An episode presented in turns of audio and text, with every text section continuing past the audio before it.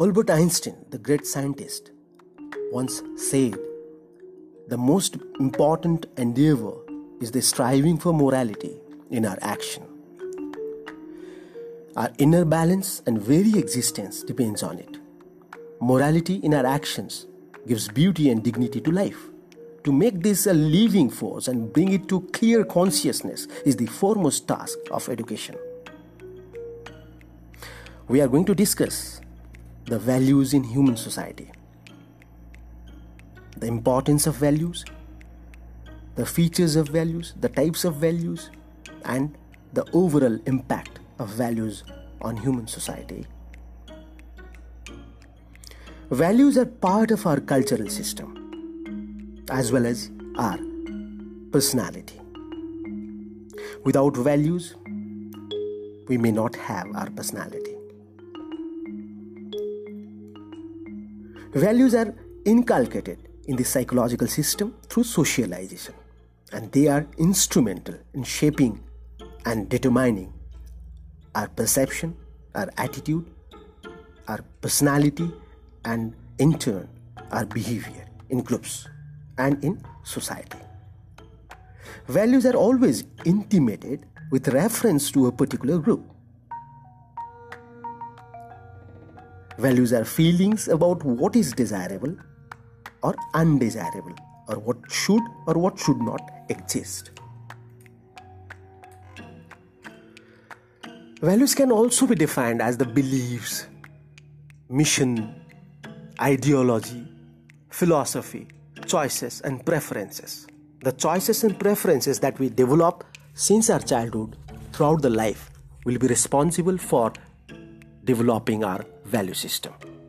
Whether we are consciously aware of them or not, every individual has a core set of personal values. Values can range from the commonplace, such as the belief in hard work and punctuality, to the more psychological, such as self reliance, concern for others, and harmony of purpose.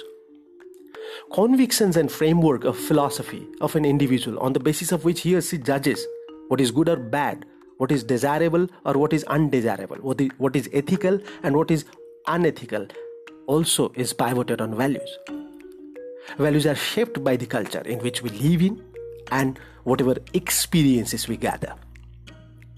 The threads and the wave of the social fabric are formed by the multidimensional interaction of social activities, organizations, institutions, and values. The ultimate determinants of the power of social organization are values of society. Abraham defined values in very simple way. He defined values as generalized standards by which people define what is good and what is bad.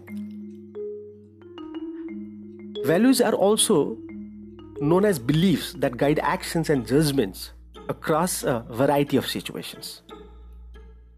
It represents the basic convictions that a specific mode of conduct is personally or socially preferable to an opposite mode of conduct. Research has shown that we are only capable of recognizing and describing 20%, merely 20% of our values. The rest of 80%, the lion's chunk of our values are unconscious but ultimately still drive our behavior. It's just like the iceberg. Only a small tip of iceberg is visible, but the huge part of the iceberg is within the water. It's just like that.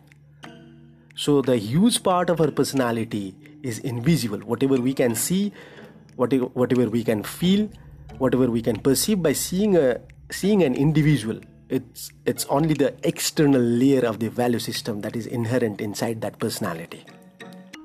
So that's why value is intrinsic in nature and it's the important part, significant part of the personality. At any one time, we are living according to 10 to 15 very specific values because of the majority of our values are unconscious. Individuals typically cannot identify. Our attitudes, beliefs, and values are dynamic, shifting, and constantly being changing to cope with the changing relationships, changing situations, and changing conditions. The priority we assign to different values changes over time and we navigate our way through life based on aging, experience, changes in environment and or circumstances. We rarely stay in one place for longer than 18 months and our values change along an indefinable framework that we move along both forward and backwards. Values provide understanding of the attitudes, the motivation, the behaviors of an, of an individual and cultures. Values influence our perception of the world around us. Values even represent interpretations of right and wrong. And values imply that some behaviors or outcomes are preferred over others.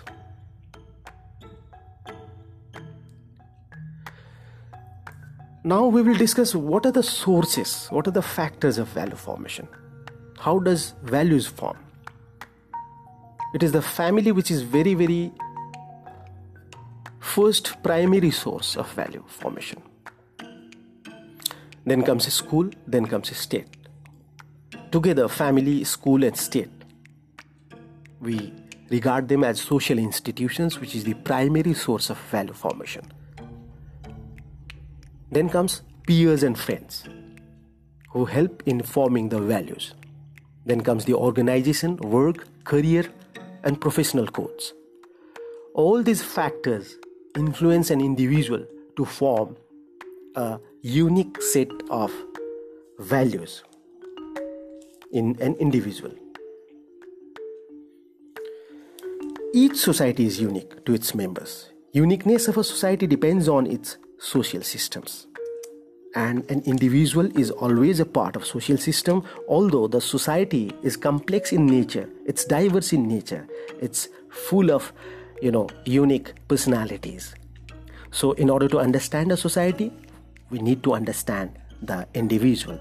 And in order to understand the individual we need to understand the value system within him or her.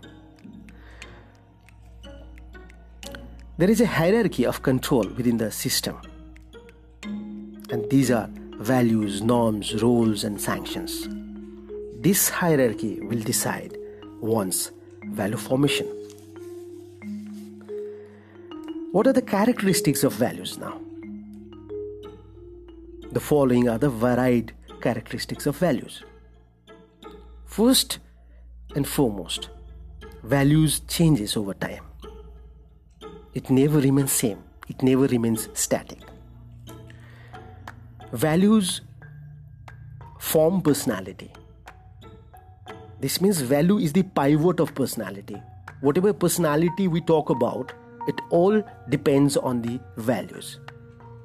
And whatever is seen, whatever is perceived through the personality, through the overt personality, that is in fact only the external reflection of the values that are inherent in that particular person.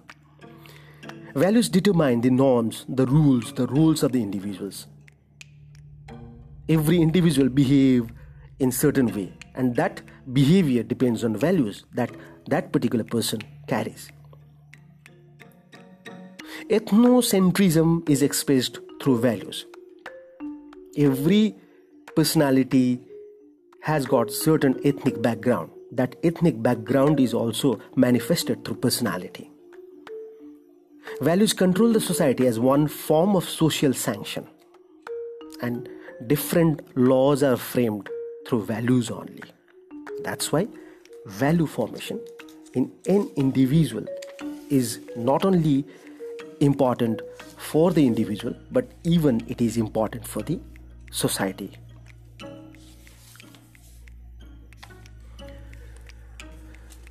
There are two types of values one is instrumental values and another is terminal values.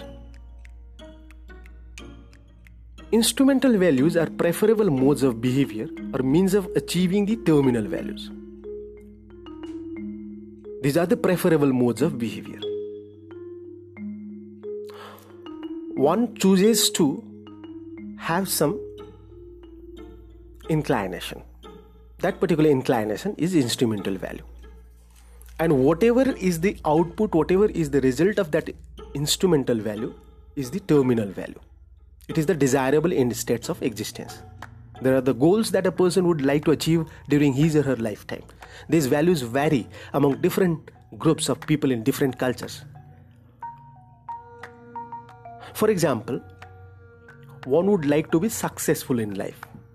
So, success is a value, and in order to be successful, one needs to be hardworking. So, hardworking is also another value. So, here what we can see is success is the terminal point, and hardworking is the initial point or the pivoting point. So, hence, success here is the terminal values, and hardworking is the instrumental values. We can take, for example, self control as one of the instrumental values, which will lead you to inner, inner peace, that is, terminal values. Again, if we take imagination and innovation, these two values, here imagination is instrumental value which will lead you to innovation. So, innovation is the terminal values.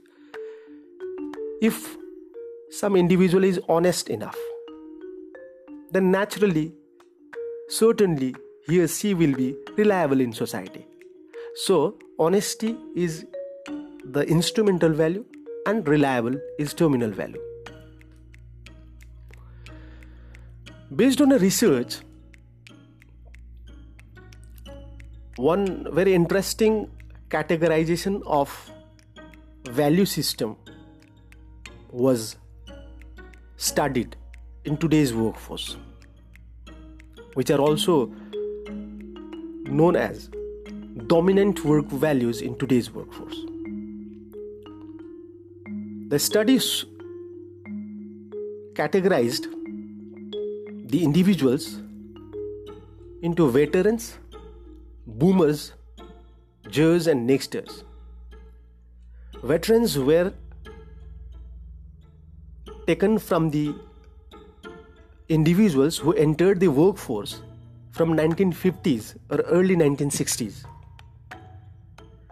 Boomers were taken from the peoples from the age group, sorry, uh, peoples who entered the workforce within 1965 to 1985. Zers were taken from the individuals who entered the workforce within the span of 1985 to 2000. And next nexters were taken from the 2000 onwards. That means the individuals who joined the workforce after 2000. So, what was found from this research was that the dominant work values for these four categories of people were different and it shifted dramatically. Let's see. Veterans, for veterans who entered the workforce from 1950s onwards till 1960s, their dominant work values were found to be hardworking, they were conservative enough, they were conforming, they were loyal to the organization. Whereas boomers who entered the workforce from 1965 to 1985, their dominant work values was not hardworking. Their dominant work values was success, achievement, ambition, dislike of authority. And as it was seen in the case of veterans who were loyal to the organization, they were loyal to the career. Zers, who entered the workforce from 1985 to 2000, their dominant work values was found to be work-life balance. And they were team-oriented. They disliked the rules, and as it was seen in the case of veterans who were loyal to the organization, the boomers were loyal to the career, Zers were loyal to the relationships. Nexters, that is the current generation that we have today, who entered the workforce after 2000, their dominant work values are confident, financial success, self reliance, but team oriented. And as it is seen in the case of veterans, veterans are loyal to the organization, boomers are loyal to, loyal to the career, Zers are loyal to the relationships, Nexters, the current generation, is loyal to both self and relationships. This shows us that how values shift, how values change from one state to another, and how dynamic the value is.